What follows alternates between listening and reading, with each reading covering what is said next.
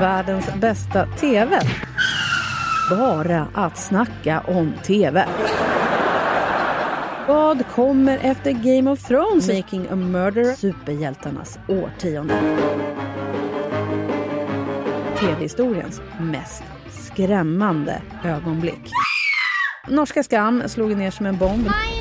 Inte på grund av William. Jag kommer bjuda in gäster. Det är ju en terror att vara tonåring. Otroligt ointressant att kolla på. Jesus, det är väl um, världens första superhjälte. Det har blivit coolt att vara nördig.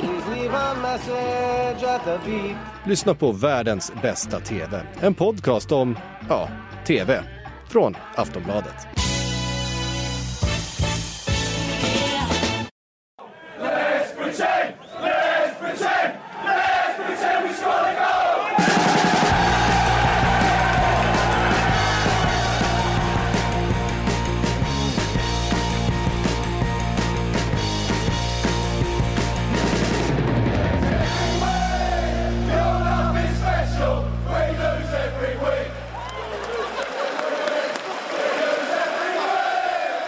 Sportbladets Premier League-podd.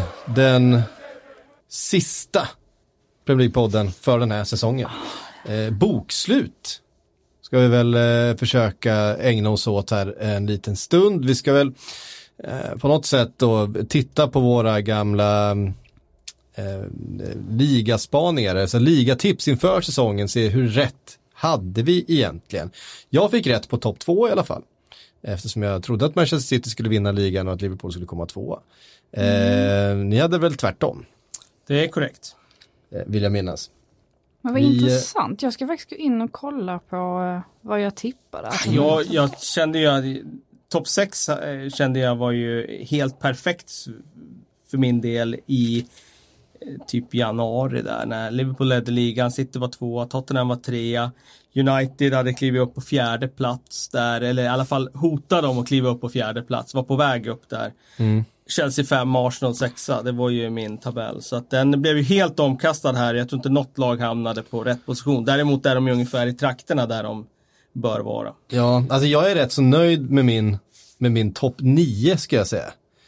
Manchester City 1, Liverpool 2, sen är Spurs 3 och det var ju klart att det var ju inte så långt borta. Sen är det Arsenal 4, Manchester United 5 och Chelsea 6 faktiskt. Så att en, en miss på Chelsea där, men, men eh, jag trodde helt enkelt att de skulle hamna i den där situationen då de gick långt i Europa League eh, och satsade på det och, och Alltså, ingen räknade riktigt med Chelseas liksom, rus där i början på säsongen heller. Eh, sen så kom väl verkligheten ikapp dem lite grann. Eh, men de var ju med långt in i, i november faktiskt, i, uppe i toppen. Mm. Sen har jag ju då Wolves 7, Everton 8 och West Ham 9. Och vad sjukt, det har jag också. Ja. Exakt eh, den. Du, och det var väl så det blev, för West Ham klämde sig väl in före Watford 10. va? 10. Är det Leicester som ska in där också? Ja. Leicester ska in där också, så var det. Men det var ändå, jag och Leicester precis bakom West Ham. Så att det var ju, då hade man ju ändå en hum om ungefär vad de skulle. Sen har jag ju då Fulham på 10 plats, tionde plats. Och det var ju ett, det var ju ett Ja, fiasko. Det ska vi komma in på. Eh, mitt tips var sen Newcastle, Crystal Palace, Southampton, Watford, Leicester, Burnley, Bournemouth. Och sen så hade jag eh, Brighton, Cardiff och Hu- Huddersfield ut. Eh, nej, men jag, det, jag är hyfsat nöjd. Det var ett eh, 3 plus tips i alla fall. Eh, det, det vill jag ge mig själv. Hur såg era ut? Minns inte exakt men jag tror att eh, om du tar topp 10 så var det eh, ungefär så som du beskrev där. Platserna efter utanför topp 6 var väl ganska givna för mig. Med Wolves, med Everton, med Leicester, med West Ham. Tror jag hade Palace också där 11, eh, 12 någonstans och de kom 12. Eh, kan ha haft Newcastle där i krokarna också. Däremot tror jag hade Southampton någon plats nedanför. Och det såg ju också bra ut ett tag när de låg under strecket tills Ralf Hasenhüttel kom in och styrde upp skutan. Jag hade inte Fulham under strecket, det vet jag. Jag hade Brighton på rätt plats. Eh, men sen trodde jag att Fulham skulle komma en plats ovanför Brighton. Eh, och så hade jag Southampton på nedflyttningsplats ihop med Huddersfield och Cardiff. Så att, Hade, hade vi alla tre uh, Huddersfield sist? nej, Cardiff hade jag som Så hade Jag minns inte vilket lag jag hade sist. Nej. Eh, ja, jag hade Huddersfield sist också. Eh, ja, ja, eh, så blev det i alla fall. Men, men eh, det säger väl någonting om den här ligan att den är ganska förutsägbar. Visst, det var Fulham som kanske inte levde upp till hypen. Eh, annars så var det ju de lagen som hamnade i botten. Säg bottenfemman tror jag vi allihop hade där nere. Eh, och topp 6 är ju topp 6. Det är ju Den har som, blivit är ganska som segregerad om man säger så. Nästan verkligen. fyrdelad. Du har en topp 6 du har en eh, övre halva ovanför mitten där med Wolves, med Everton, Leicester, West Ham och Mm. Watford som man känner är ganska klart mycket bättre än de andra lagen. Mm. Och så har de här lagen som inte kommer bli indragna neråt. Eh, som i och för sig i perioder har varit indragna neråt ska vi säga. Så också Palace, Newcastle, Bournemouth och så vidare. Eh, och sen har du de här eh, lagen som har varit avsagade i tidigt skede och plus Cardiff, jag drar in dem där som man kände ganska tidigt skulle åka ur.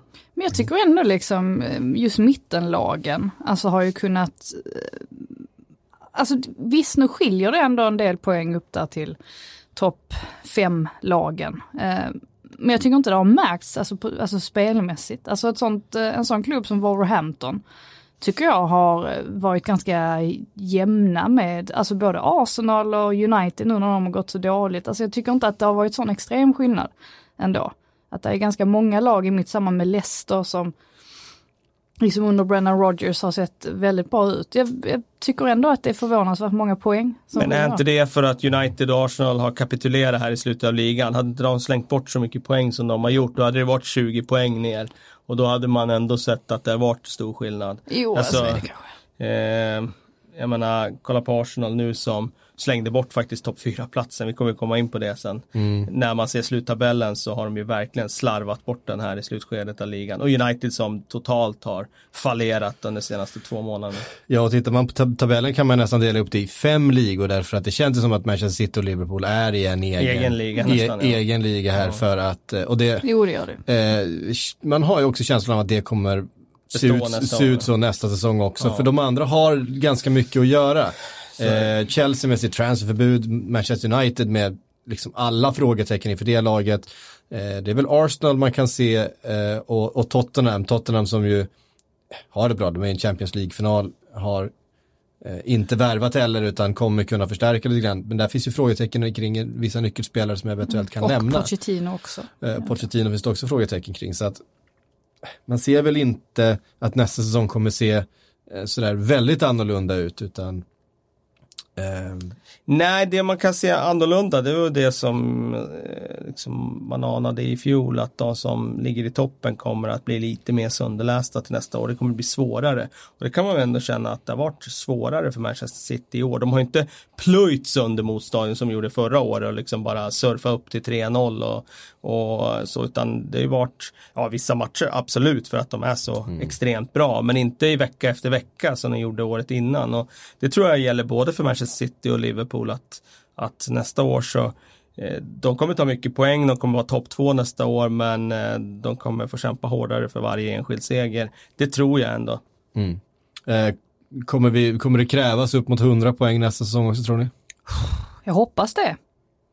Det är ju rätt så, nej men det är ju eh, ofattbart imponerande. Alltså- Jag tror det eftersom de andra topp, det handlar ju mycket om hur bra de andra topplagen är. För att om topp 6 är stark, då tar man ju inte så här mycket poäng. Nej. Eh, för att då kommer du ju ha sex, rik, eller fem riktigt svåra bortamatcher. Eh, och du kommer ha fem rätt tuffa hemmamatcher också mot topp 6 motstånd där du kan tappa poäng. Nu har ju inte de här lagen gjort det i den utsträckningen för att de andra lagen har inte varit tillräckligt bra. Eh, så um, jag, jag skulle kunna säga att eh, det kommer krävas väldigt mycket poäng igen för att jag tror inte topp 6 kommer vara superstark nästa år. Jag tror inte mitten kommer att kunna liksom utmana de här två som verkligen är på Europatoppen, för det är de ju. Vill, Även om de sitter ju inte i Champions League-final så får vi hålla dem som ett av Europas bästa lag. man vill ju ha en sån här invincible eh, säsong. Alltså man vill ju uppleva det. Ja, jo, det Ja. har vi ju upplevt men 11 i, millimeter säger jag. i modern tid. 11 millimeter, Liverpools enda förlust den här säsongen. Ja, men hur många millimeter var det på den där ribban mot Everton från att den bollen studsar ut till inspark Ja, istället? det är sant. Ja, jag tror det, det kanske var färre fast millimeter det, fast där. det hade blivit ett kryss. Ja, det, Eh. ja, det är sant. Just själva förlustnollan hade ju Exakt. varit intakt, det stämmer. Eh, men hur som helst. Eh, det, eh, det kommer i alla fall krävas eh, oerhört mycket. Sen är det ju frågan om Liverpool och City ska försöka förstärka de här lagen. Det är inte speciellt lätt att, hitta, att, att förstärka de här lagen. Men la ni märke till någonting efter eh, Citys möte med Leicester där? Eh, när Guardiola går fram till Ben Chilwell och klappar om honom och säger liksom ju... good game, good game. Alltså då blir man... Mycket om, de försöker, har ju försökt värva Chilwell tidigare också. Ja, men då blir man, eh, han går inte fram sådär till vem som helst och eh, liksom gratulerar till en bra match. Mycket Pep Guardiola-style alltså. Det där. Han har, har, han, har han eventuellt Manchester City-DNA då? Ja men svårt för, svårt för Chilwell också att tacka nej. Alltså om det skulle det vara så att City skulle vilja ha honom. Det, även fast Leicester har någonting bra på gång. Det är faktiskt, eh, det är ju en position där de ganska direkt kan förbättra sig Verkligen. faktiskt, eh, City. Sen är de ju med fem plus i nästan, nästan alla lagdelar och, och, men, men vänsterbacken har ju varit ett stort frågetecken och Sinchenko mm. har ju löst uppgiften helt okej okay under våren nu men han svajade mot, eh, mot Tottenham med Champions League till exempel Ehm, och har svajat lite grann under svajade lite mot Leicester vill jag minnas i, i den matchen förra veckan också. Han svajar ju när han möter bra motståndare mm. som utmanar honom. Eh, blir han inte utmanad då är han ju... Liksom... Bra med bollen, ja. ja. Offensivt är han helt okej, okay, men han är ju Skulle man möta City så skulle det vara deras akilleshäl som man skulle försöka attackera, det är ja. ingen tvekan om det. Och det är samma sak när Delf spelar. Eh, ja, absolut. absolut. Och, och Mendy verkar ju inte vara Peps favorit längre. Nej, han är skadebenägen dessutom. Ja, får nästan räkna med att han tar en skada varje säsong. Eh, men apropå det här förstärka lagen, skulle du ta tillbaka Coutinho till Liverpool? Um, ja, jag tror det. Uh, alltså om vi bara tittar rent uh, spelmässigt. Ja, jag pratar inte pengar eller någonting. Nej, inte pe pengar eller, eller, eller någonting annat. Uh, rent känslomässigt var, alltså, om jag hellre liksom skulle gå vidare med en, en likvärdig spelare som var någon annan ett annat namn så kanske jag hellre hade gjort det för jag känner liksom att ah, det blir för mycket eh, runt omkring. Men tanken var att utbuad nu också. Ja, tillbaka, det tar emot lite. Ja, det gör ju det. Men om man bara tittar fotbollsmässigt ja. eh, så tror jag ju ett att Coutinho skulle, snabbt skulle komma upp på samma nivå igen i den miljön. Det tror jag också. Eh, och det är ju såklart en spelartyp som hade eventuellt kunnat lyfta Liverpool ytterligare. Ja, det finns inte så många, men han är en av dem. Ett snäpp. Ja, han, han har ju någonting som, som vi också vet har funkat. Alltså, eh, det såg ju faktiskt väldigt, väldigt bra ut eh, stundtals när han spelade tillsammans med den front trean och hade ganska många assist. Så att, ja, varför inte? Men det, det blir ju på bekostnad för, av en Vinaldum. Oxlade Chamberlain eller en Vinaldum eller en Keita eh, eller Henderson. Alltså det är ju spelare som inte har varit dåliga den här säsongen och som nog känner att de har ännu mer att ge. Det var ändå tur för eh, Coutinho kanske då att Suarez var på planen för det känns som att han förstörde ju sitt renommé för all framtid på Anfield. Coutinho var ändå så här, var ändå lite förskonat. Jag tror, jag tror båda två kom undan med någonstans utan att eh, på något evigt, dels för att Coutinho var väldigt dålig mm. eh, i, den, i den matchen Eh, och sen så är det ju, alla vet ju vem Suarez är. Han, alla, vi, vi har ju sett honom under så många år bete sig så här och alla som, inte så många som har sett honom lika mycket i, i England som Liverpool-supportrarna. Eh, och vi vet ju att han beter sig så här hela tiden. Det är ju en del av vem han är. Vi vet ju också att han utanför planen är en väldigt så här, respektfull och en spelare som tycker om klubben och gärna besöker den och eh, och sådär. Men, men på planen så blir han ju en annan människa. Det är ju inget snack om saken. Det är ju en spelare som varit avstängd tre gånger för bitattacker. Eh, ju, eh, det, går, det går liksom inte att men ändå att, verkar att, att, det hålla, som att... att hålla honom till samma moraliska Men det verkar ju som att många var, var, ganska överraskade ändå, ja, konstigt men, nog. Ja, och det, det förvånar mig Fast de inbillar sig någonting om att han ska vara respektfull när han möter Liverpool och så här. Men jag vet, han, han har ju inte det. Han liksom, kan inte kontrollera nej, det. Nej, när han, han är på planen då går han in i, i, en bubbla och den, eh, den bubblan där, eh, där tror jag inte det finns någon, där är det anarki ja, med det, sig själv. Ja, det, är det som gör ja, det är en fullständig anarki. Alltså man, man biter inte en motståndare om man har någon slags kontroll över sina, över sina känslor. Det gör man ju inte. Det är ju ett, det är ett psykopatbeteende. Hur kom vi in på det här? Ja, det var du som gjorde. Skitsamma. Eh, jag har roat mig själv lite grann här. Eh, vi ska göra lite av, ett, ett bokslut. Har vi sagt grattis till Manchester City förresten? Eh, vi kanske måste ägna dem ytterligare någon sekund. För jag roade mig tidigare i veckan med att eh, räkna ut, för de fick ju då ett poängsnitt. Alltså de senaste två säsongerna är de två högsta poängen som någon har tagit. De har alltså sett över två säsonger ett poängsnitt på 99 poäng. Manchester City.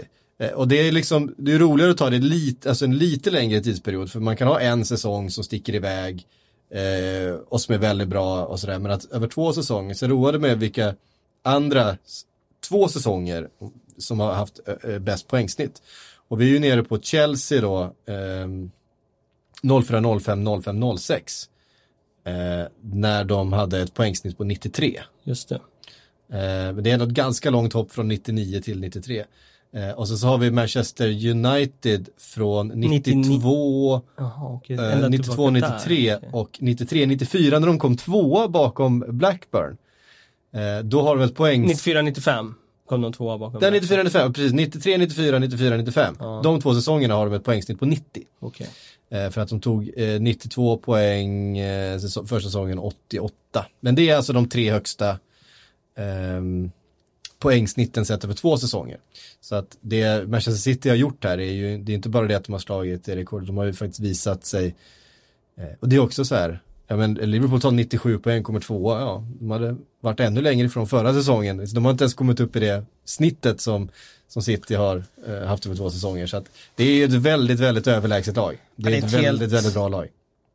fenomenalt coacharbete som eh, Guardiola har gjort det här året. Att liksom se till så att alla är på tå år två efter en så eh, liksom exceptionell säsong som de hade i fjol. Att göra det igen med samma spelare, ganska många spelare sen som börjar bli till åren.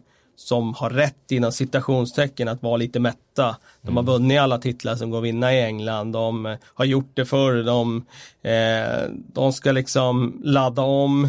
Eh, inte tappa koncentrationen i en veckomatch mot eh, Burnley. De ska inte, ja nu mötte de dem i slutet i och för sig, men ni förstår vad jag menar. Alltså det, och sen har de haft ett Liverpool som har jagat dem hela säsongen, klivit om dem. Eh, och att de har känt att det finns liksom inte utrymme som det fanns förra säsongen för några liksom ja, slänga bort poäng här och där. Det hade inte spelat någon roll i fjol för de var så överlägsna. Nu har de varit tvungna att verkligen göra jobbet varje vecka och sen avsluta med 14 raka vinster. Det är ju alltså det är så, det är så otroligt starkt så att det är bara att lyfta på, på hockeyhatten och, och buga sig dubbelvikt. Det, det, det är få som lyckas göra det. Eh, i, den, I det skedet av säsongen är det som mest liksom psykologiska spel, som mest nerver och man måste liksom eh, möta lag som krigar för sitt liv i botten och, och lag som möt, krigar för Champions League-platser och så vidare. Att då bara gå rent och ta match efter match, det, det är otroligt starkt. Jag tror ju på Guardiola när han säger att han har gillat att Liverpool har legat jämsides eh, under större delen av säsongen. För det har säkert bidragit till att motivera spelarna också. Det är Jag tror inte de att hade tagit 98 poäng om det inte Nej, det hade för, de inte för, gjort. för Liverpool. Nej, det är klart att man hellre vill, vill vinna om det är någon liksom som, som nafsar en i, i, i ryggen liksom hela vägen. Eh, sen får man ju inte glömma bort heller att men de har haft en del skador ändå. Alltså eh, Kevin de Bruyne som förmodligen är deras bästa spelare har varit borta stora delar av säsongen. Fernandinho har saknats eh, en ganska lång period. Agüero var lite skadad. Eh, Stones har varit eh, borta.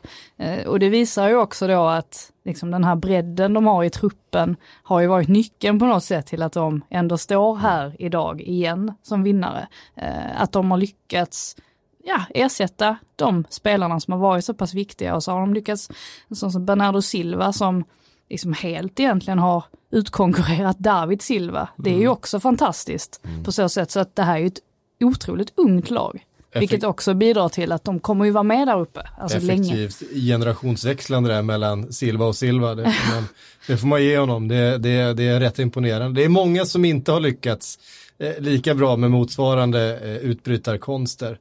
Eh, får man säga. Skönt också för Mares ska sägas att han ändå fick avsluta med flaggan i topp för att han har fått väldigt mycket skit under säsongen och kanske med all rätta. Han har inte riktigt kommit in i det så som man hade trott att han skulle göra men han var ju faktiskt, plus att det var han som missade straffen mot Liverpool i Ja, höstas.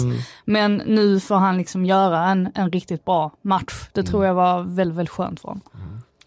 Eh, det har ju tagits ut ett Team of the Year, ett officiellt. Vi har ju också gjort det vid flera tillfällen. Vi vet ju ungefär vilka spelare som är där. Det är inte, det är inte sjukt spännande att sitta och, och, och rabbla eh, samma spelare om och om igen. Så jag har tagit ut ett alternativt Team of the Year. Eh, ni får eh, skjuta ner mig här, allt ni kan.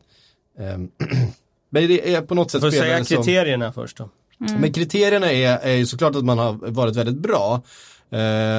Men att man kanske inte har fått eh, de rubrikerna som man förtjänar på något sätt. Eventuellt för att man har spelat i ett lag som inte funkar. Eh, det har alltså varit väldigt bra i skymundan. Eller kanske utifrån förutsättningar på något sätt. Eh, så är det spelare som i alla fall imponerat på mig. Ehm, och då har vi i, i mål eh, Vicente eh, Guaita från Crystal Palace som alltså kommer in i december. Jag kommer ihåg att jag fick så, eh, du vet, när vi gör de här eh, Premier League, Fantasy Premier League-lagen, så blev vi ombedda att vi ska ta ut ett lag och så ska vi eh, göra en artikel på det. Och eh, då tog jag ut Guaita, för han hade precis eh, då, det var ju eh, Sperone hade väl gått sönder och Wayne Hennessy hade eh, klantat sig lite grann i sociala medier, får man eh, försiktigt eh, uttrycka sig. Eh, han lyckades gräva det hålet ännu lite djupare sen. Eh, och Guaita kom in och gjorde då sin debut i december och började väldigt, väldigt bra. Eh, så jag tog ut honom i laget och eh, fick väldigt mycket frågetecken kring det. Liksom, han var ju typ tredje målvakt när den här säsongen, men han har ju fått stå kvar. Eh, så jag fick rätt i min i min spaning där, för han var billig. Jag hade inte så mycket pengar kvar när jag skulle ta ut. Och sen dess så har han ju faktiskt varit väldigt, väldigt bra. Eh, och är ju första målvakt i Crystal Palace nu.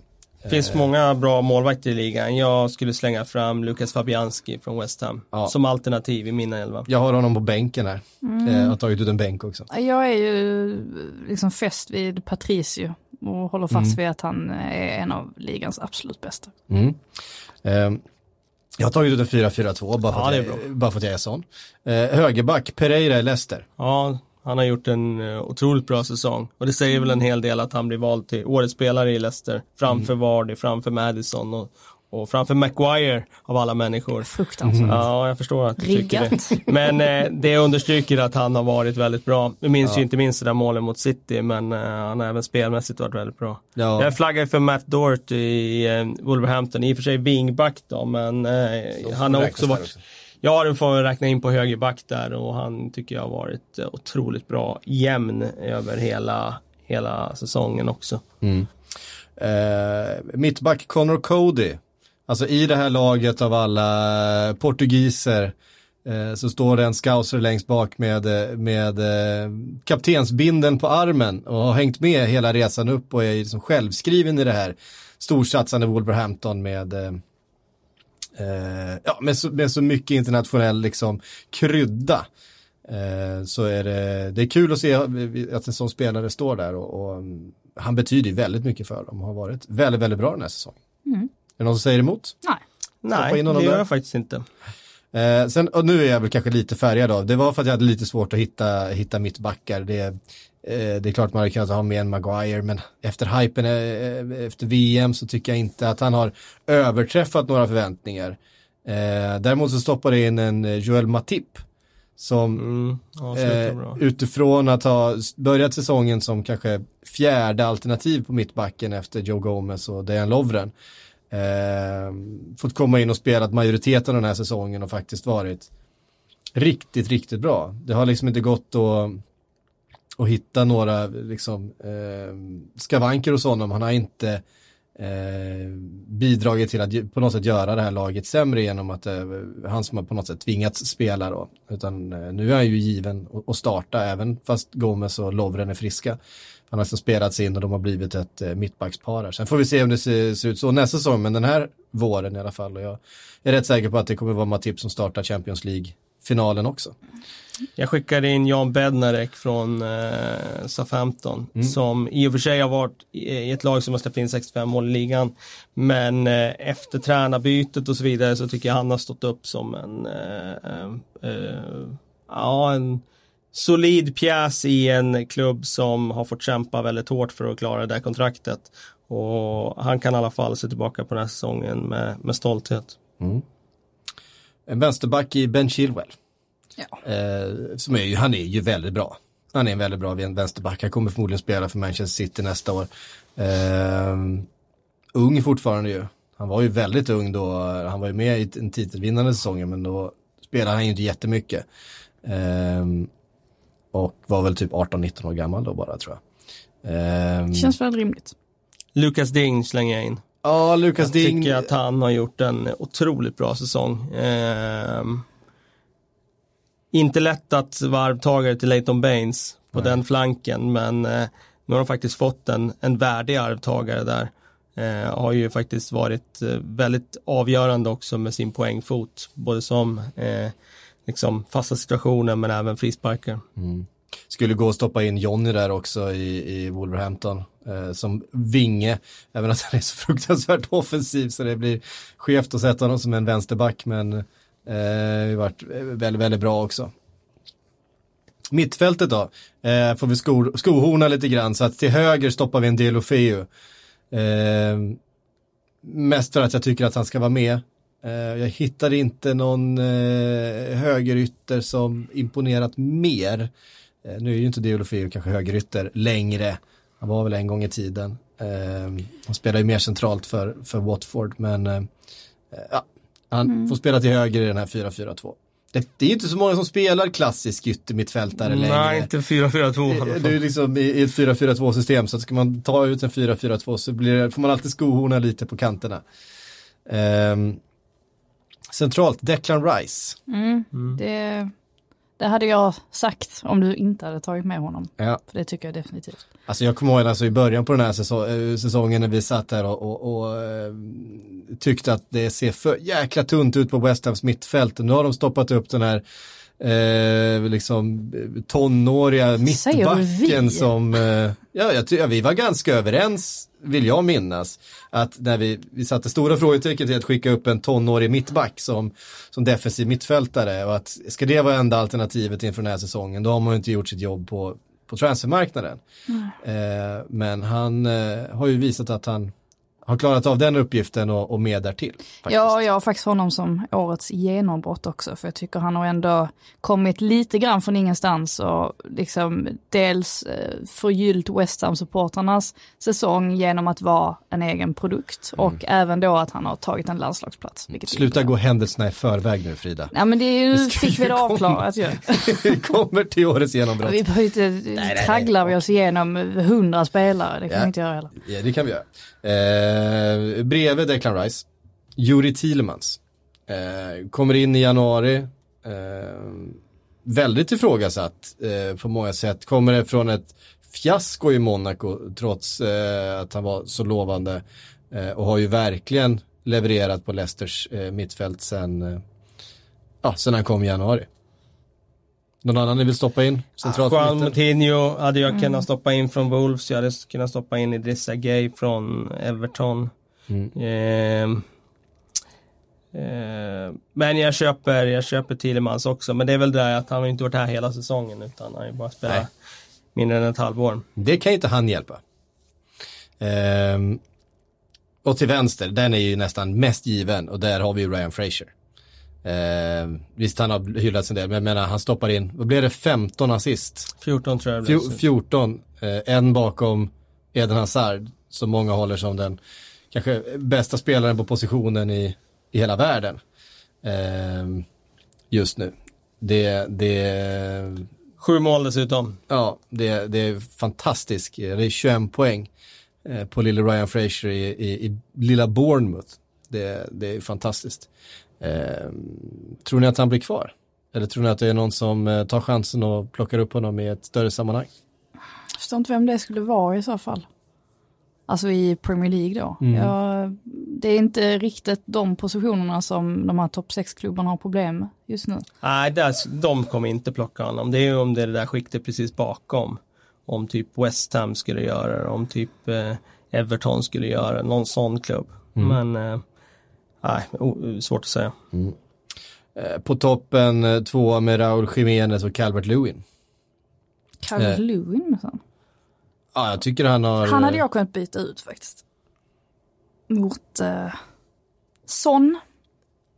Ja, fast han var ändå liksom, han, jag tycker han, han, eh, det är klart att, men han har varit i diskussionen kring eh, eh, Team of the Year och, och sådär. Jag Jo, tycker han har liksom, eh, eh, jag har försökt, försökt undvika topp 6 så mycket det går där. Jag, jag, pe- petar in jag- Matip lite för. Diego Jota. Mm. Eh, Diego Jota, absolut. Eh, jag kan tycka att en sån som Salomon Rondon har dragit sitt lass i Newcastle. Eh, varit väldigt tung i en omgivning som kanske lämnar en del att önska ibland.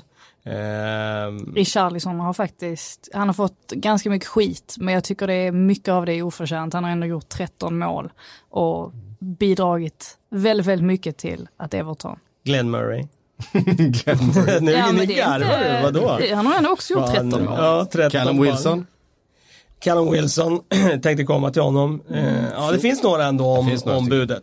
Ja, ja, men det var din elva då. Jag har en, jag har en bänk här också då där eh, Ayose Perez, eh, Madison, Jota, Van Bissaka, Kär, Gylve Sigurdsson fick ta plats. Det är ändå spelare som har gjort bra säsonger.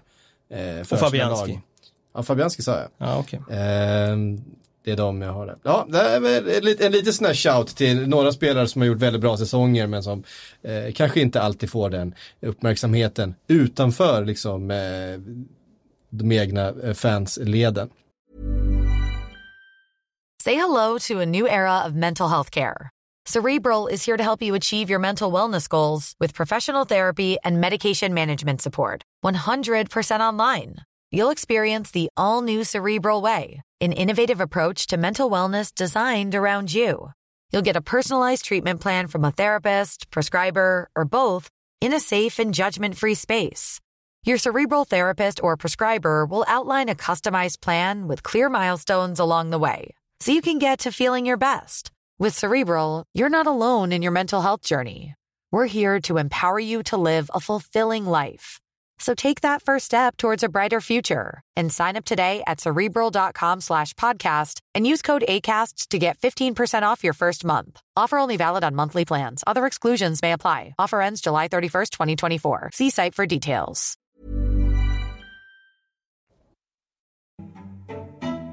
Jag ska tipsa om att det finns en, en, en hacker i Ecuador som står Julian Assange väldigt nära, vilket Ola Bini faktiskt gör.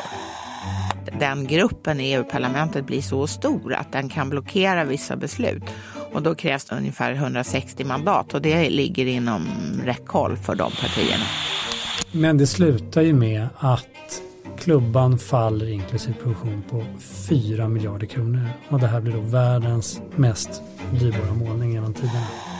Han hade betalat några personer genom en internettjänst att hålla upp en skylt där det stod eh, död åt alla judar. Förra gången det var en så här riktig klimatvåg runt 2006, det var ju då Miljöpartiet började växa. Men då hade man ett lite annat läge. Aftonbladet Daily ger dig både en bredare och djupare bild av de mest aktuella nyhetshändelserna. Dessutom plockar vi upp de historierna som kanske inte får de största rubrikerna men som på andra sätt hjälper till att forma vår samtid. Ett nytt ämne varje dag, måndag till fredag med Marcus Ulfsand och Jenny Ågren. Prenumerera på Aftonbladet Daily i din poddspelare eller följ oss i din smarta högtalare.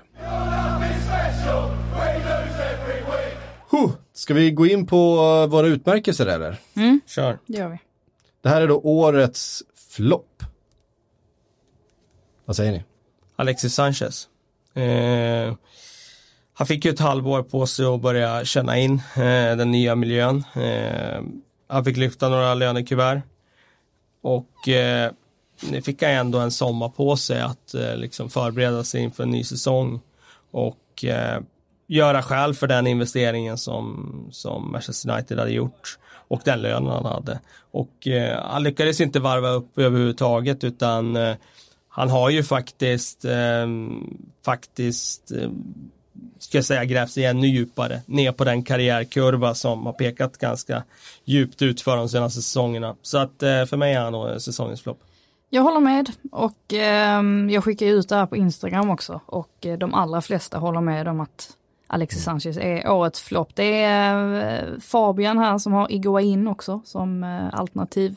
Eh, vilket kanske, det, det, är inte så svårt, men han, å andra sidan har han bara varit där halva säsongen. Så att, eh, flopp även Mustafi är det en som har. Så att, Han har inte varit jättebra heller. Nej, men det, ska sägas. vi verkar vara ganska överens. Ja, jag har också skrivit Alexis Sanchez här. Det går ju inte när man är ligans absolut bäst betalda spelare och från den höjden han kom ifrån för bara ett par säsonger sedan när, när vi verkligen pratade om honom som, som en av ligans absolut bästa spelare och han räddade det, liksom Arsenal då vecka ut och vecka in och liksom eh, intressant liksom hypotetisk diskussion. Om man hade tagit det blå pillret istället och gått till Manchester City hade hans karriär sett annorlunda ut idag? Hade han haft samma han hade ju haft en eh, ligatitel eh, Absolut. såklart.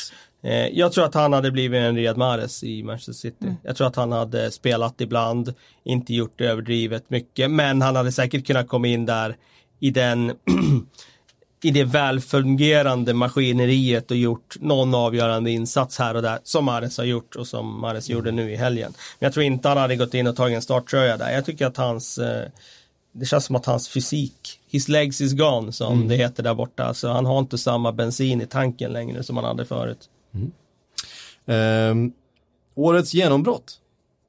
Mm. Ska du börja Frida? Ja, du har jag redan... har redan avslöjat att jag valde Declan Rice där och jag Mm. motiverade det också med landslagsplats och att eh, han har kommit från ingenstans. Vi vill bara ta här också vad, vad folket har, eh, Mm. har sagt. Van Bissaka är ju eh, ett namn Absolut. som poppar upp. Det Bernardo mitt- Silva. på mitt papper. nämns också. Och Lindelöf är det någon som har sagt. Jag har ju en som är lite mer, ehm, ja, eh, ja, kommer lite mer utifrån så att säga. Det är Dwight McNeil i, i Burnley som eh, plötsligt får chansen. Eh, nu ska vi komma ihåg att Burnley är inte någon klubb som har släppt fram egna produkter på det sättet i, under sina Premier League-sessioner.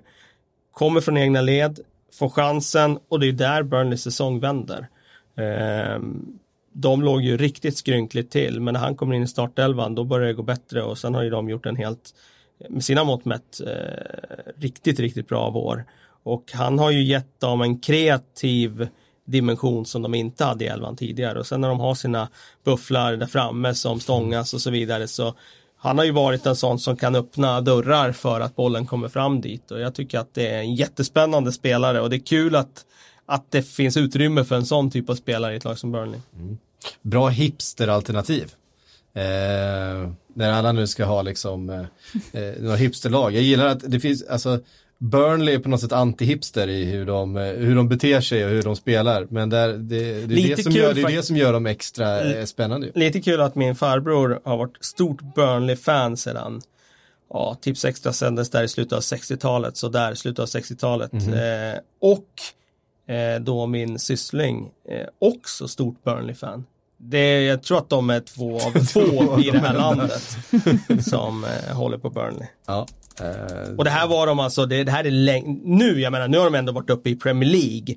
Ja, ja, och nu har de ju fått säkert någon som är hipster och säger Burnley. Men det här är alltså, de har varit i, eh, alltså min farbror har ju varit det sedan slutet av 60-talet och min syssling har, han sa det till mig i början av 2000-talet.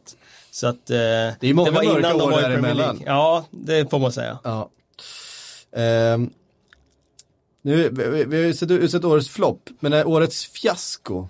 Eh, och det, det, då tänker jag med en lite större bemärkelse. Jag tänker med kanske ett projekt som inte blev eh, det det skulle.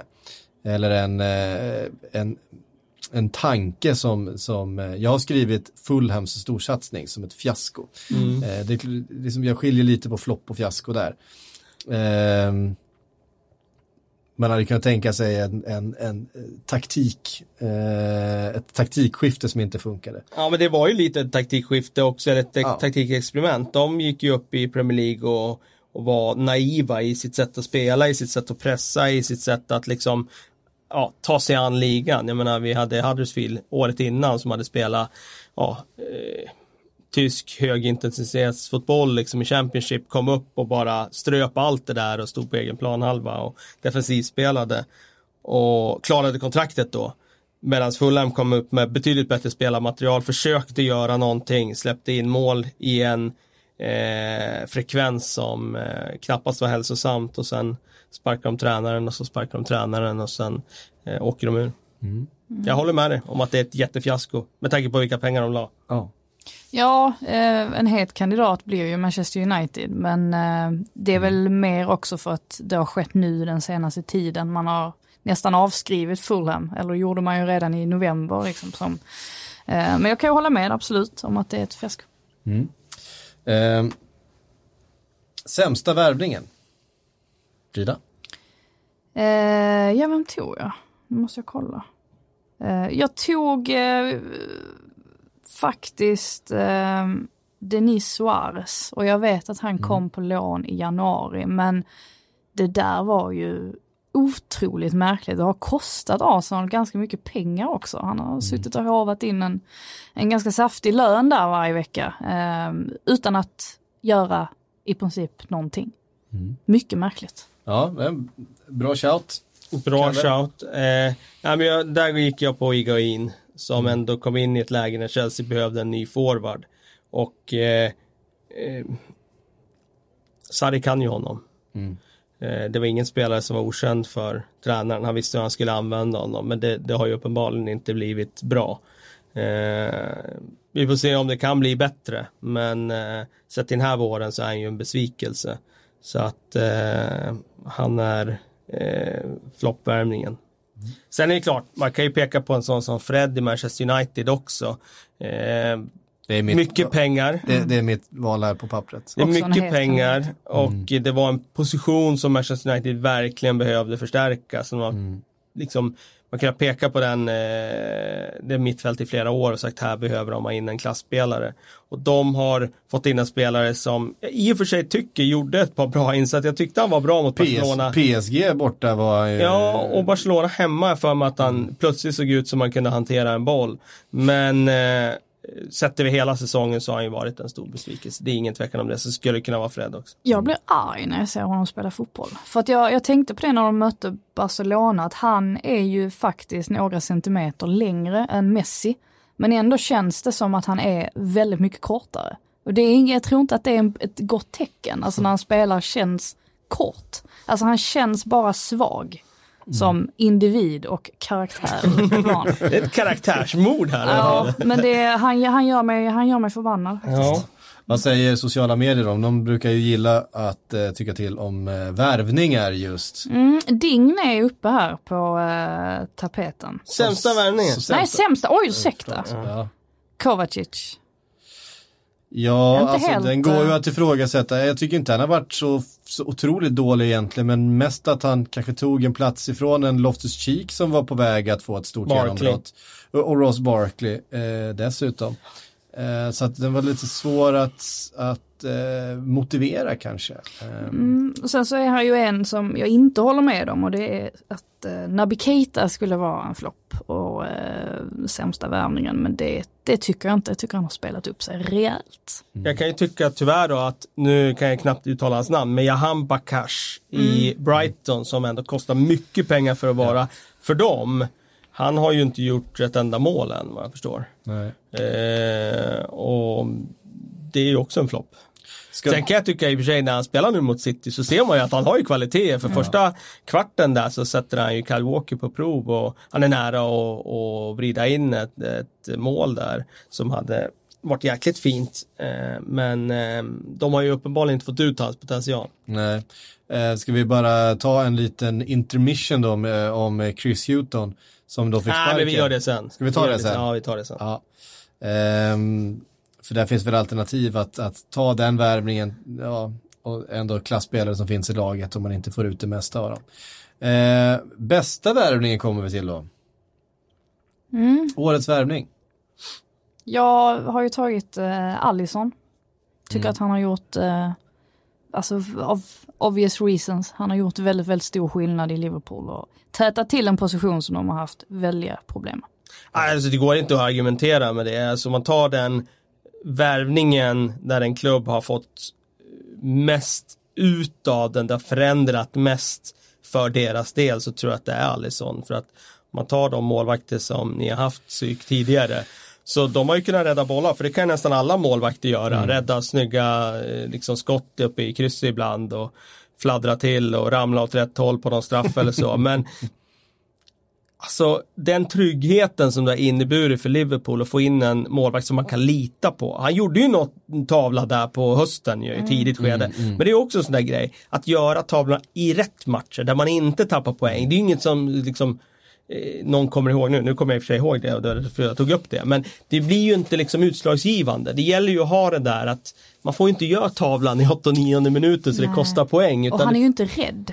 Alltså han är ju väldigt Nej. trygg i sig själv. han fortsatte ju att spela, liksom, även om han gav bort någon boll. Det var ju borta mot Leicester där va? Var det inte det? Precis, han sen- skulle försöka dribbla. Precis, det och var- han gav bort någon mål. Men så vann de den matchen och alla är glada och sen Ja. är det inte mer med det. Och det är det jag menar att eh, han, eh, han litar ju så mycket på sin förmåga att han har ju liksom inte eh, blivit nedslagen av det utan han har fortsatt att vara den där trygga sista utposten och eh, det, det, det har gjort att det är en stor bidragande orsak till att Liverpool tar 97 poäng. Han kastar inte in bollar precis när ens lag eh, hittar momentum i en Champions League-final så att eh, man dödar allt. Det, vi ska inte ropa hej igen. dels, nej, precis, snacka om jinx. Snacka om jinx. Men, men just dels det, men sen också det som jag upplever som var problemet för Liverpool förut i de, alla de här åren när de har haft en riktigt bra offensiv. Men när defensiven har svikit dem, att eh, de eh, kan ju hamna i underläge på ett sätt eh, som påverkar så otroligt mycket. Alltså första målet är så otroligt viktigt. Och har man en Mignolet eller har man en Karius som bara tvålar en boll eller inte greppar ett inlägg och det blir hörna och så blir mål på det eller man får tryck på sig.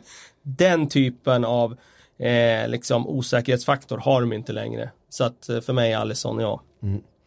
Eh, jag har tryckt in eh, Raul Raúl Jiménez där i, i Wolverhampton som ju faktiskt är på lån fortfarande men som ska Då bli det ju, ja, okej. Han blir ju permanent, det är ju, han blir ju Okej. permanent första juni här. Ehm, såg ju redan förstås i VM var han väldigt, väldigt bra för Mexiko. Dröjde rätt Eh, länge innan han började spotta i mål. Ja, det, det Mm, tog ett tag för honom att komma in men, men eh, han har ju varit fenomenal den här, den här våren för, för Wolves och eh, kommer, ja, men just det där, han, han har den här snabbheten och, och, och, och skärpan och avsluten och han, han gör väldigt mycket utav, eh, han kan göra liksom en, en, en halvchans till en helchans på, ett, e- på egen hand. Eh, Jag har varit imponerad av honom. Eh, lite förvånad över att Wolves bara kunde valsa in och låna honom. Eh, sådär. Han hade ju väldigt fina, fina siffror från, eh, han kommer från Belgien va? Var han inte i Anderlecht, eller var han i Holland kanske? Där kan vi nog räkna in en viss Jorge Ja, det fanns väl en George George som Mendes, anledning Men- Mendes till det. faktor där. Eh. Jag vill slänga upp ett till namn, Filippa Andersson. Ja. Som... Eh, det fanns här på Instagram Ja, också. snyggt. För grejen är att eh, ja, det kanske har funnits spelare som varit bättre än han på det totala. Men han har ju gett också en höjd i sitt spel som får fansen att någonstans drömma eh, om ljusare tider. De har ju inte varit bortskämda med liksom den typen av individuell kvalitet sen Dimitri Payet egentligen. Nej. Men om du tar hans högsta nivå så är det ju det närmsta Payet de har kommit i West Ham. Och eh, jag tycker att han är, det är en sån där spelare som du betalar för att gå och titta på. Eh, och det var ju, så- var ju så mycket snack när han var i Lazio år efter år om att han ska gå till stora klubbar. Så nu har vi verkligen sett att han har ju ruskigt, eh, liksom, ruskiga spetsegenskaper och eh, han är tillräckligt bra för en topp 6-klubb. Sen tror jag kanske inte att den flytten blir av i sommar och det ska West Ham vara glada för. Mm. Um, har jag en kategori där. Vem har åldern hunnit ikapp? Det finns ju varje säsong ett par spelare som vi ehm, på något sätt tackar av eh, efter en. deras, eh, deras insatser. Mm. Eh, ja, Ja, Kalle, du, du, du hugger på den här. Gary Cahill. Gary Cahill. Stackars Cahill, ny fick tränare, inte- fick något eh, beträda planen ens på träningarna efter Nej, att Sarri klev in. Han fick ju inte välja själv. Men ehm, nej, det, åldern kom ikapp och sen var det såklart tränarbytet också. Men jag tror, det var ju inte så att eh, hade det varit en annan tränare så hade han varit ligans bästa mittback. Så är det ju inte, utan åldern har ju kommit ikapp där ändå. Ja. Jag har en, eh, en duo, eh, varav en är en antites i det här sammanhanget. Ashley Young Mm. och eh, Antonio Valencia. Ja. Ja, nej, det- Behöver nog inte motivera varför. Nej, precis. Jag slänger in Daniel Sturridge där och det är inte så att det har kommit precis den här säsongen, det har ju varit ett par säsonger. Han är bara 29. Ja, det är Ändå. sjukt alltså. Han är bara 29 och har, har, han har inga ben kvar. Han har varit med länge alltså. Han har varit med länge och han var ju väldigt ung när han slog igenom och med den spelstilen när tappar man sin snabbhet och lite lite av den skärpan, ja, då är det ju tyvärr inte så mycket kvar. Och det. Ehm, mm. Eh, Joe Hart är ett bidrag här från eh, Instagram också. Ja. Eh, Det kan man ju hålla med om faktiskt. Ja, eh, verkligen. Eh, eh, då kommer vi till en av de här, årets tränare. Eh, har det, visst utses det så, en sån officiellt? Mm, det har jag missat. absolut. Nej, det, det är ju alltid efter säsongen. Så Det är det kommer efter säsong, senare. Det kommer senare. Ehm, Jättesvårt. Jag har, uh, usch, jag har bollat fram och tillbaka med mig själv här, vad jag ska välja. Det finns ju några namn som är helt givna. Kasta upp, höra. Mitt val står ju mellan Klopp och Pochettino. Och sen har jag eh, Nuno också som en bubblare. den heliga anden. Mm. Hasenhüttel kanske också ska nämnas i Ja, det sammanhanget. det kan vara på Jag, jag tror plats. för mig blir det nog ändå Pochettino med tanke på att Tottenham, de gör alltså inga värvningar överhuvudtaget i somras. De har eh, ganska mycket skador, särskilt på liksom viktiga nyckelspelare. Lyckas ändå ta sig till Champions League-final samt säkrar en ny CL-plats. Jag, jag vet inte, jag, jag tycker för hylla, hylla Poch. Ehm, jag väljer Jürgen Klopp. Um, visserligen så har ju ehm, ehm, de varit på en hög nivå även förra året eftersom de var i Champions League-final. Men han har fortfarande flyttat eh, gränserna framåt. Han har värvat rätt typ av spelare. Han har fått ut väldigt mycket av den truppen han har. Han får ut mycket av varje enskild spelare. Han tar dem till 97 poäng som den tredje bästa. Eh, jag tycker väl inte att de är en poäng sämre än Manchester City i kvalitet på spelartrupp. Då är de några fler poäng sämre än Manchester City. Eh, om man tittar på bredd och så vidare. Eh, och de är trots allt i Champions League-final. Jag tror att de kommer vinna Champions League-finalen och då tror jag att det kommer att bli ännu mer befäst att han eh, har gjort en eh, fenomenal prestation. Okej, jag ändrar mig, jag håller med. ja, men jättesvårt. Ja, det är Ja, det är skitsvårt. svårt. Eh, Nuno, när det gäller Nuno så eh, jag är inte lika ehm, inte lika eh, liksom så här lyrisk över hans säsong. Dels om man tittar på spelarmaterialet så det går inte att argumentera för att de inte är 7, 8 eller 9. Alltså titta på de spelarna de har värvat. Eh, de ska vara där. Eh, de har gjort bra resultat mot topplagen, ja.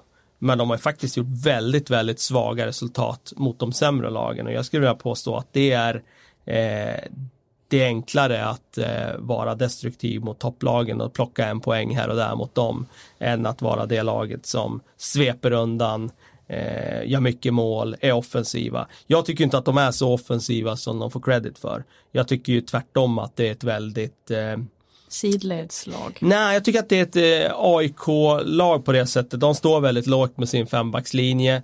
Eh, de står och väntar på motståndarnas misstag och så ställer de om snabbt. Och det gör de fenomenalt bra. Och jag, jag älskar, om vi, den diskussionen kommer såklart efterfölja det här. Får man inte spela på olika sätt? Jo, det, jag älskar att man spelar på olika sätt. Och de får, det är jättekul att vi ser olika spelstilar. Men jag tycker inte han ska ha så mycket credit för det de har gjort. Det är ganska enkelt att göra det när de har så bra spelare som de har. Att göra eh, det på det sättet. Jag tycker inte att de har så mycket eget spel. Däremot går det väldigt fort i omställningarna och det är imponerande och det är kul att se det också.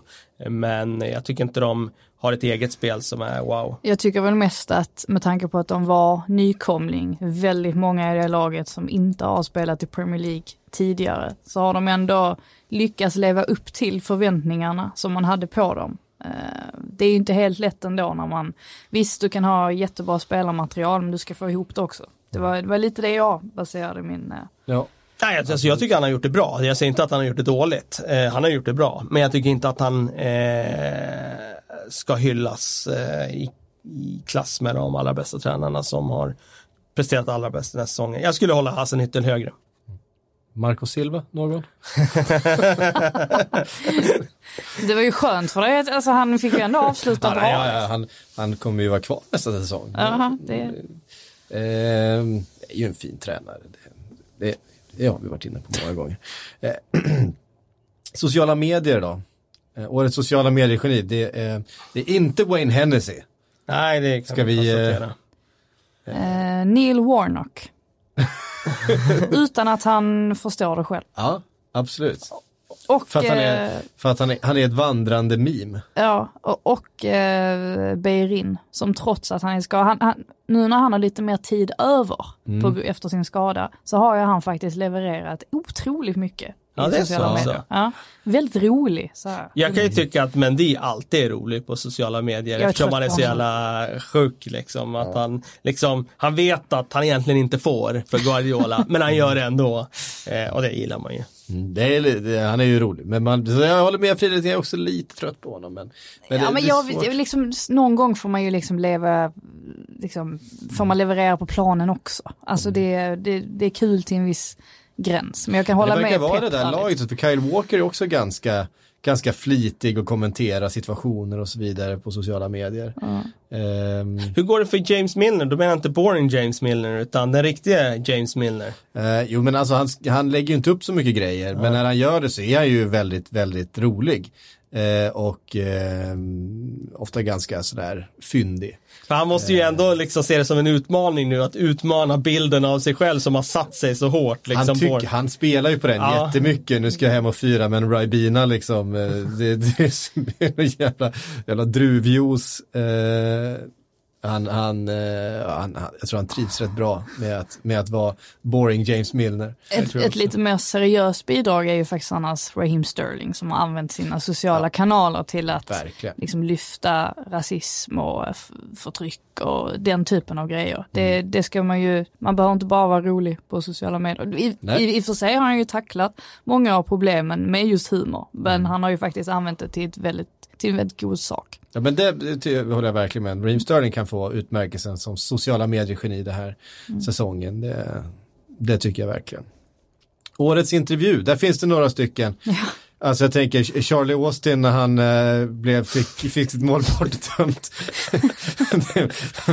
Ja, den är ju fantastisk alltså. Den är så Ja, jäkla bra. arg var han. Han är så arg. Han är så arg och han talar rakt ur hjärtat och Ja. det är liksom, det finns ingen som helst liksom så här tillrättalagt, eh, nu står jag framför kameran, eh, eh, liksom ton, utan det är bara, det är som att han snackar med sina polare eh, efteråt om hur idiotisk domaren var. Den är fantastisk. Well, they said it's offside. Hit my, I didn't. They tried to hit me. Bob Douglas right done Foster.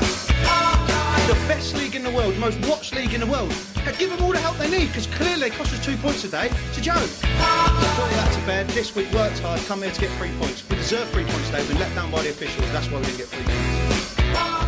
Jag tycker ju Michael Antonios intervju som han gav där efter matchen på Old Trafford också var eh, jäkligt eh, kul att se, verkligen från hjärtat och inte på det sättet som andra intervjuer. Eh, inte tillrättalagd utan väldigt genuin. Så jag gillade den. Jag vill ju lyfta den gode Mourinho och hans respect. Respect. Ja, just det, Respect. Det var... eh, Det var den här säsongen va? Det var i början av Ja, det var säsongen. det. Det Början, var, fan, eh, tiden går. Ja men exakt, man har ju lite glömt bort att han, Ja. det var ju han som stod för väldigt många bra intervjuer. Det var i början av säsongen, det stämmer. Eh, respect, respect var ändå eh, bra alltså. Det var, eh, det var ju precis efter där som han fick lämna.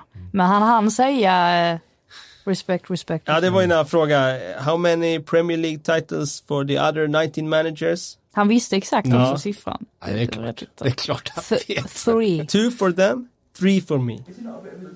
Now, just to finish, do you know that what was the result? 3 0. 3 0.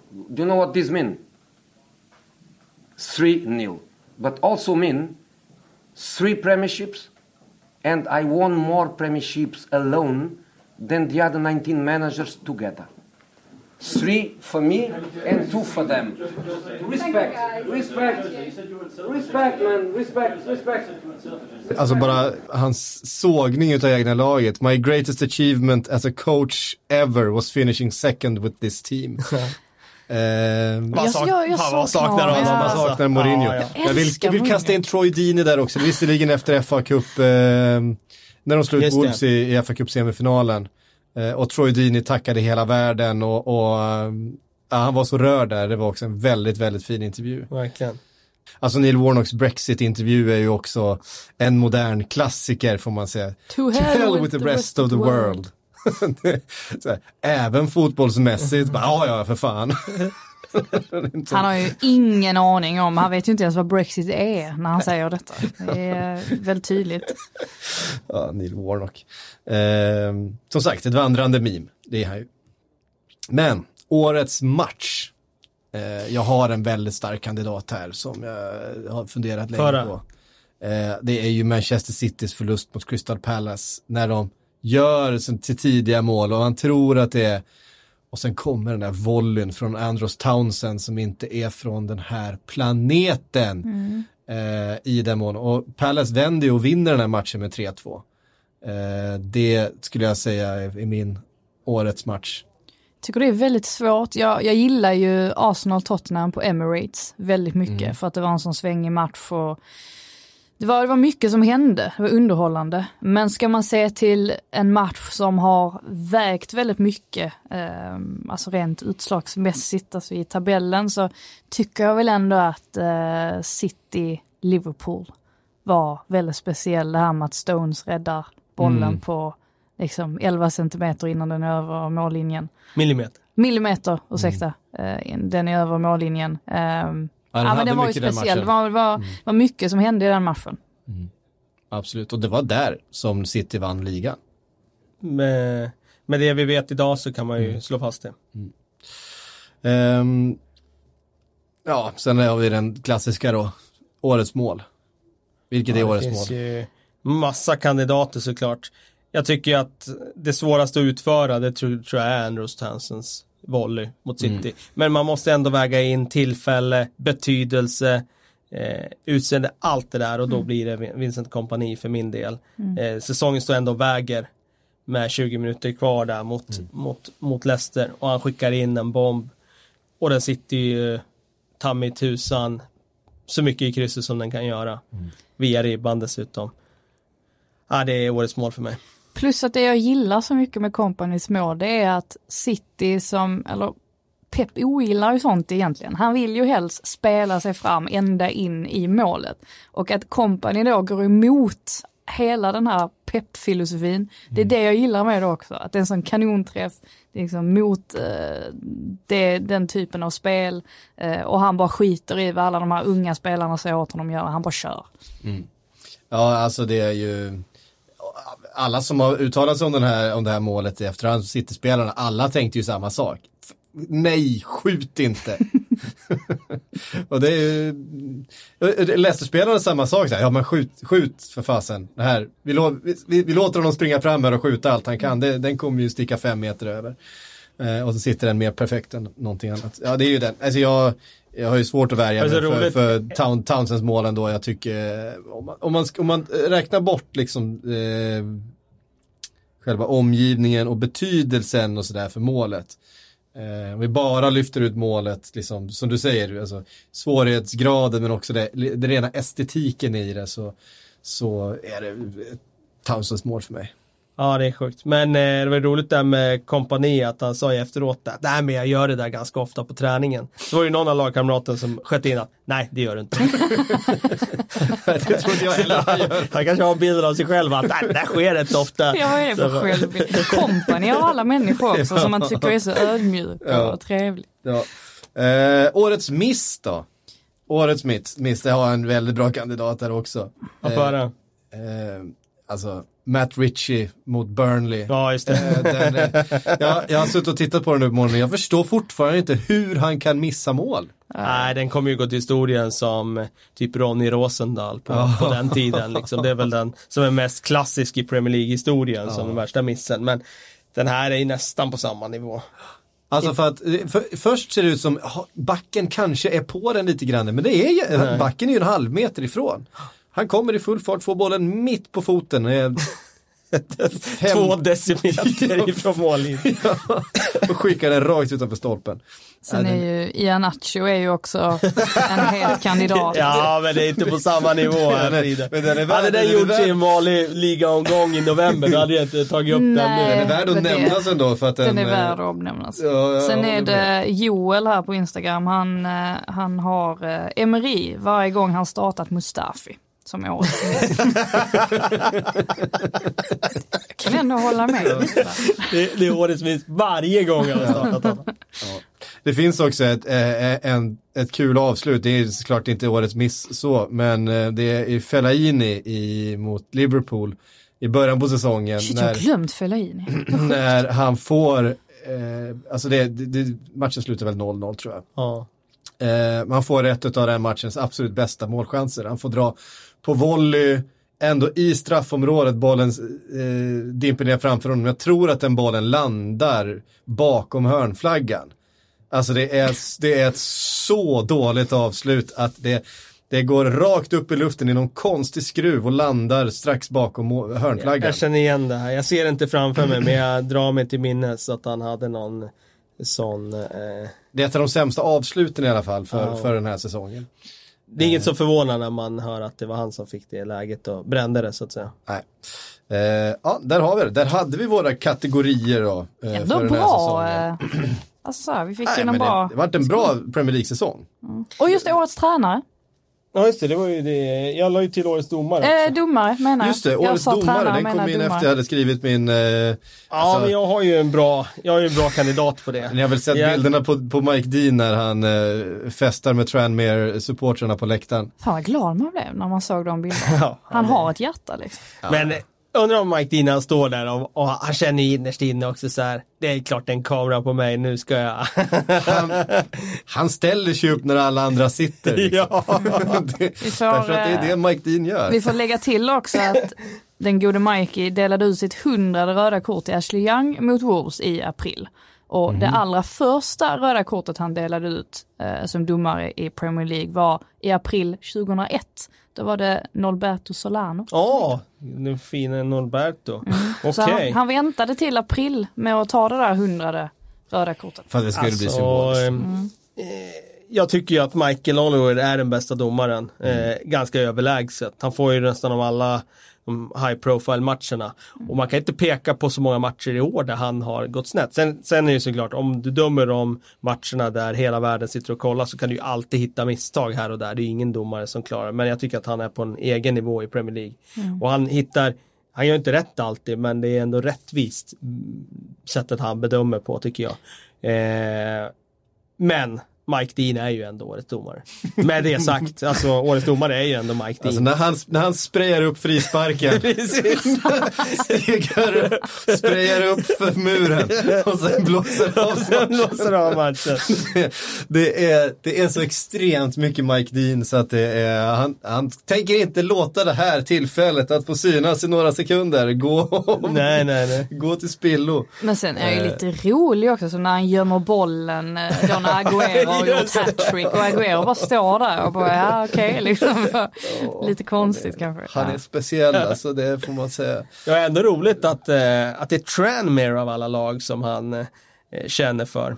Ja fast han är ju från Viral. Jo, jo, Han är men eh, jag visste inte att det var Tranmere av alla lag Nej. som han kände så starkt för. Då vet man det. Vet man, han skulle ju mycket väl kunna li- nästa sig in och döma någon match som påverkar Tranmere i, fra- i framtiden. Det ska inte förvåna mig alls. Nej, alltså, eh, ja vi får se, han är 50 nu va? Så att... Eh, Det har inte så många år kvar nu. Nej, alltså hur kan han ens, hur kan han ens fortsätta? Alltså jag tänker rent tänker så här, fysiskt. kan Tranmere hinna upp för han måste? De har väl någon åldersgräns på typ 53 eller något sånt där va? De inte får döma. Ja men det är det jag menar, han kan säkert nästla sig in. kan inte få ta en match nere i liksom, där de ligger. Ja, blev, gick de upp i League One nu då? Det är väl eh, det som, eh, de har ju kvalat eh, från League på, 2 till eh, League One va?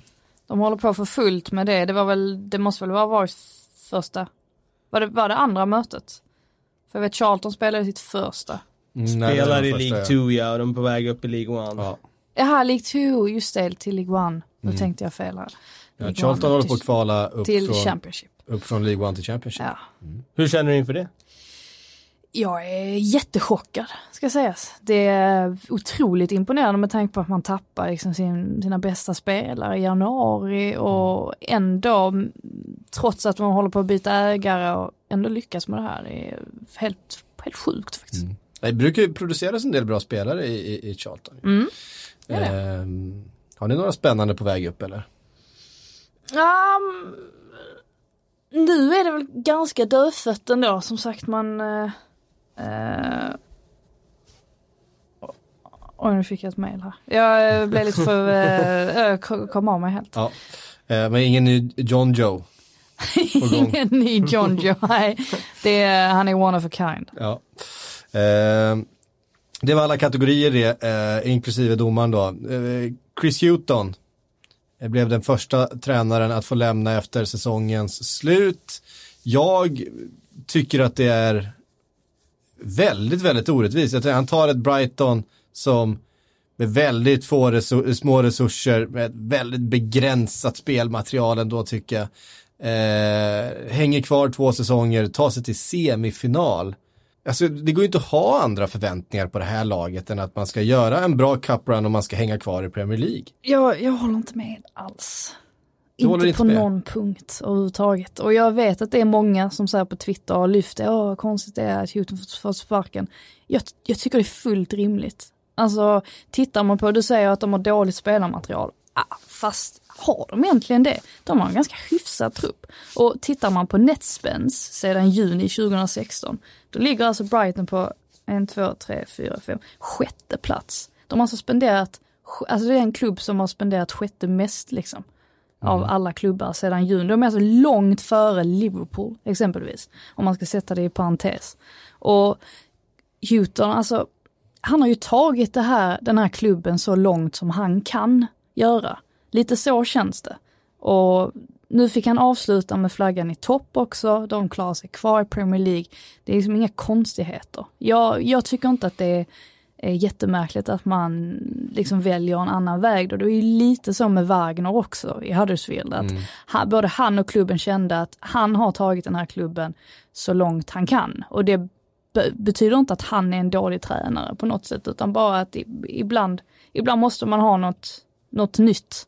Eh, så därav tycker inte jag det är orimligt. Och den här FA Cup semifinalplatsen, ja absolut imponerande samtidigt. De slår ut en massa Championship-lag.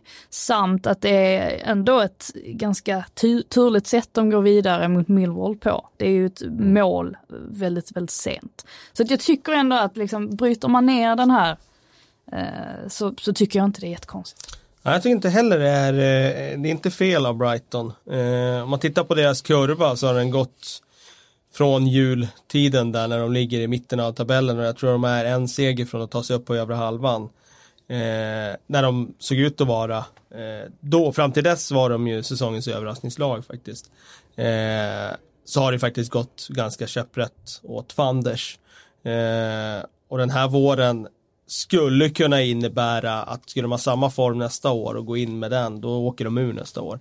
Jag tror att det är rätt läge för Brighton att se eh, efter en annan inriktning. Vad, vad jag menar med det är ju att eh, de ska självklart inte försöka bli Stoke Alona som de försökte med.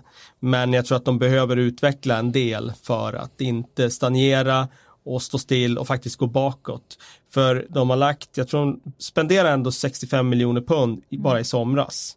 Det är väldigt mycket pengar. De tar fyra poäng mindre än förra säsongen, så utvecklingen har inte gått åt rätt håll. De har ju en eh, eh, ordförande, Tony Bloom, han pokerproffset som eh, är väldigt eh, eh, pragmatisk och ser saker med statistik och så vidare. Så att han tittar nog på eh, parametrar som visar att det här går inte i den riktningen som, som vi vill att det ska göra. De värvningar de har gjort har inte presterat. Jahan Bakash var en av dem som vi pratade om. Mm. Men eh, eh, de behöver få ut mer av sina värvningar, de behöver få ut mer av sitt spel. Jag läste nu på morgonen en artikel i England om att en, sån här referenshändelse var nog när de möttes Wolverhampton borta. Matchen slutade 0-0.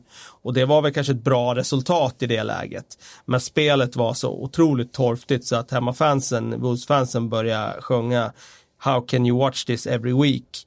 Och det är klart att det känns nog för en klubbägare som liksom måste ta hänsyn till allt det här andra med intäkter och marknadsmöjligheter och så vidare och fansens liksom känsla eh, när hemmafansen börjar sjunga det om Brighton. Det är skillnad om, om Liverpool börjar sjunga det om Manchester United. Det är liksom på en nivå där mm. det är klart att de skickar stick mellan varandra. Men när Wolves börjar sjunga det mot Brighton som redan är liksom bottenkandidat, ja men då är det då är det riktigt torftigt spel. Mm. Plus att de hade ju faktiskt åkt ur om inte Cardiff hade schabblat lite Precis, där på slutet. det är också. Det är också. Ja, så att han har faktiskt haft ganska mycket flyt. Han har flyt nu på slutet ja. ja. Ja, ja, eh, okej, okay, jag hör vad ni säger. Och jag ger mig. de har chansen att få in den förträffliga Graham Potter, ja. vilket det spekuleras ja. om i England. Och jag tror att det är, alltså, England har inte, de har ju inte lyft blicken som vi vet utanför öarna de senaste eh, ja, seklerna. Mm. Det gör man ju inte nu heller. Nej, det gör man inte nu heller. De vet inte vem Potter är. Däremot har han ju fått credit, det, så är det ju. Mm. De, har ju ändå, de som är insatta har ju förstått att han gjort ett bra jobb i Swansea. Mm. Men det är ju mer den här Graham Who.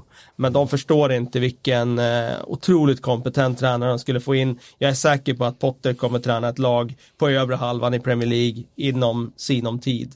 Och eh, den vägen kan gå via Brighton. Mm.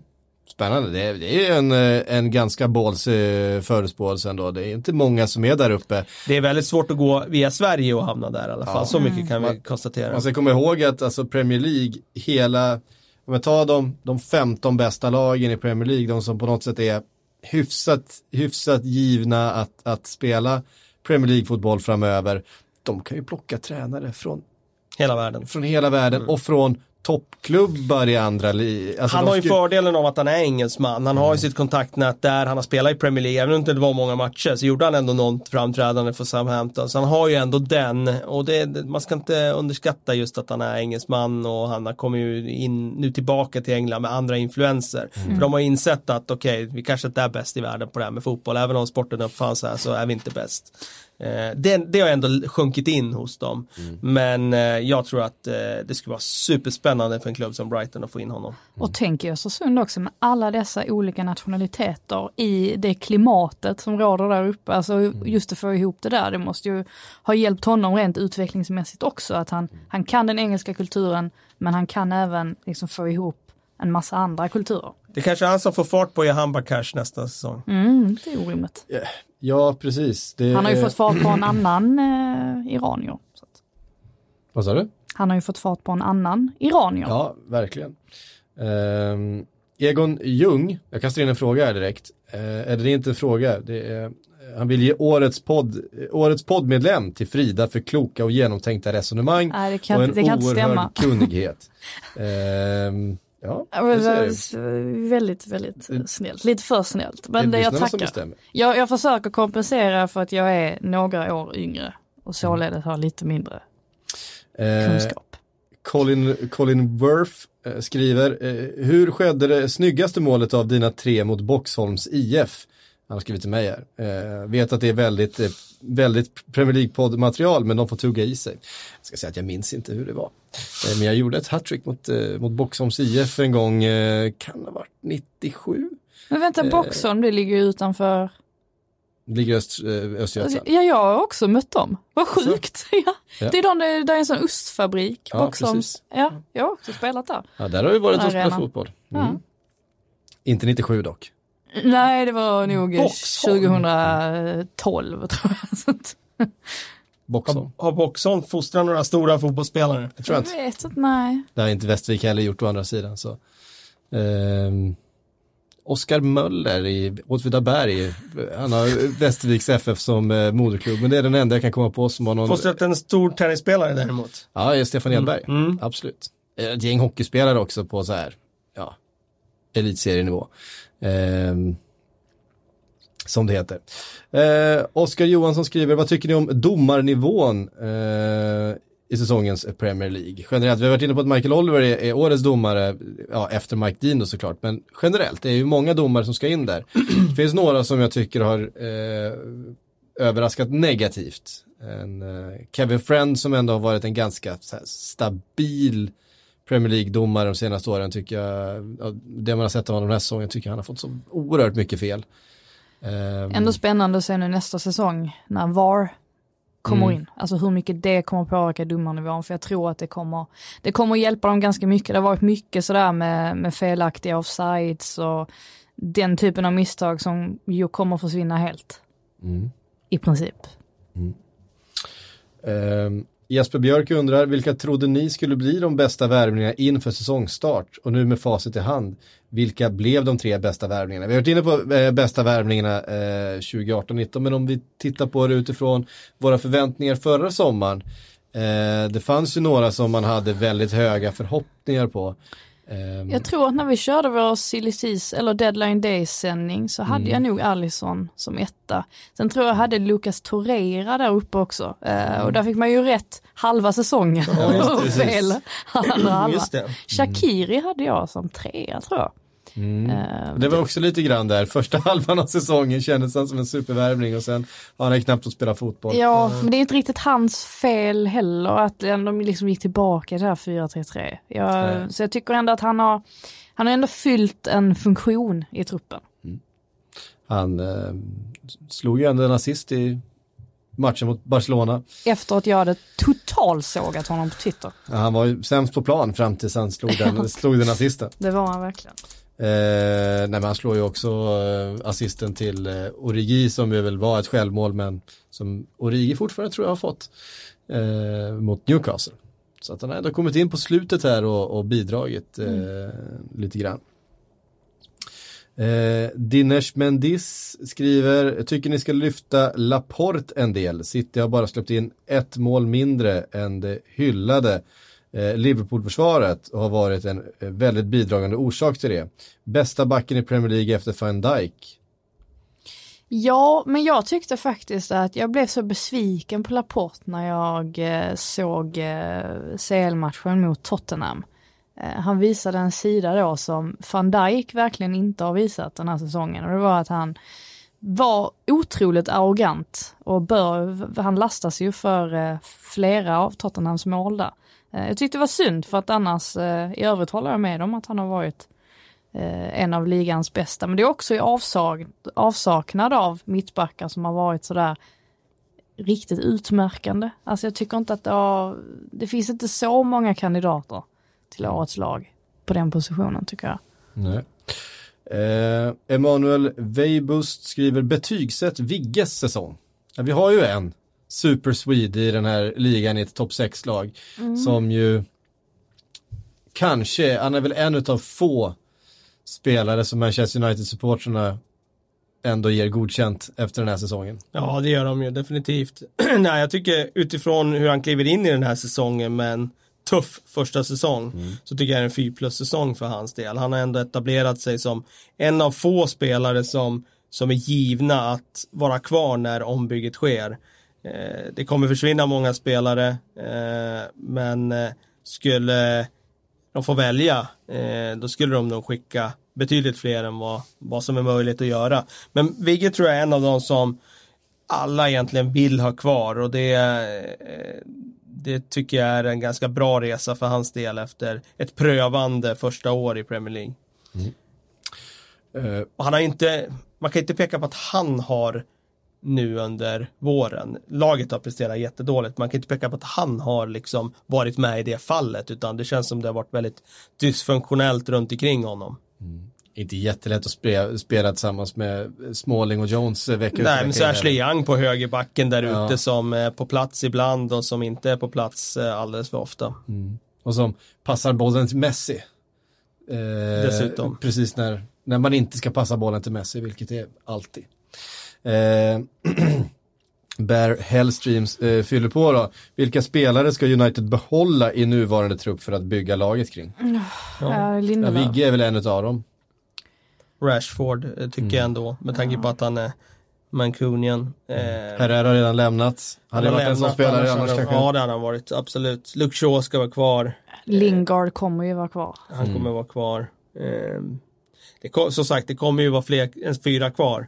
Men det är svårt att säga för att det är ganska många som eh, Matic, Pogba, Matic Mata. kommer säkert vara kvar. Eh, Mata tror jag inte blir kvar. Jag tror inte det. Nej. Pogba. Nej. Men jag tror att Mino Raiola får igenom en flytt. Det blir oerhört intressant att se hur de ska, hur ska de agera på liksom, marknaden. Men blev han avstängd nu, Mino Raiola? Eller Det var något som gick på Twitter här om Ja, tre, tre månaders näringsförbud på honom tror jag. Han får inte... Men alltså han har väl ett helt team. Ja, ja, ja, ja, ja, ja, ja, ja. Han har ju inte liksom tagit sig den positionen han är nu genom att följa alla regler som Nej, jag finns. tror inte det. Ehm, utan det, det tror jag han löser. Men det var, det var ju prat om att det skulle bli då en, en exodus från Mino Raiola, Raiolas stall inför sommaren, vilket jag inte tror kommer hända. Ehm, vi tar, ehm, tar en till från Robert, Jo- Robert Jonsson. Han skriver, hur kommer det sig att klubbar gör sådana misstag som vi supportrar ser? Till exempel Manchester Uniteds förlängning av Mourinhos kontrakt, Chelseas värvning av Torres, Arsenals oförmåga att värva en mittback. Det finns massa exempel. Alltså det där som känns som upp, uppenbara misstag.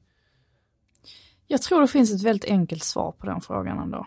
Mm. Jag tror det helt enkelt handlar om att det finns väldigt många människor som jobbar i fotbollsklubbar, både här i Sverige och i England och säkert i alla andra länder också, som helt enkelt inte kan fotboll överhuvudtaget. Alltså som bara har den, har sin position eh, för att de är duktiga på business eller någonting annat. Och jag, jag tror att det är det som har hänt i United, att man har helt enkelt inte haft någon fotbollskompetens överhuvudtaget när man har tagit sina beslut. Och man har inte lyssnat på andra och då blir det så här. Mm. Hörde ni? du har köpt den rakt av. Oj, jösses. Så går du loss på inredningen. Slog jag till, uh, aj det var lite ont. Det var faktiskt allt vi hann för den här säsongen av, av Premier League. Eh, om två dagar så är Silly Season-podden tillbaks. Eh, vi räknar med att både Frida och Kalle eh, kommer höras i det sammanhanget också. Vi eh, gillar att hålla koll på våra, våra engelska klubbar även där, eh, såklart. Eh, tack för att ni har varit med oss under hela säsongen 2018-2019. Eh, vi är såklart tillbaks i augusti igen. Och för er som skiter i Silly får ni ha en jätteskön sommar och så hörs vi då helt enkelt. And to hell with the rest of the world, eh? Football wise as well, yeah. Absolutely.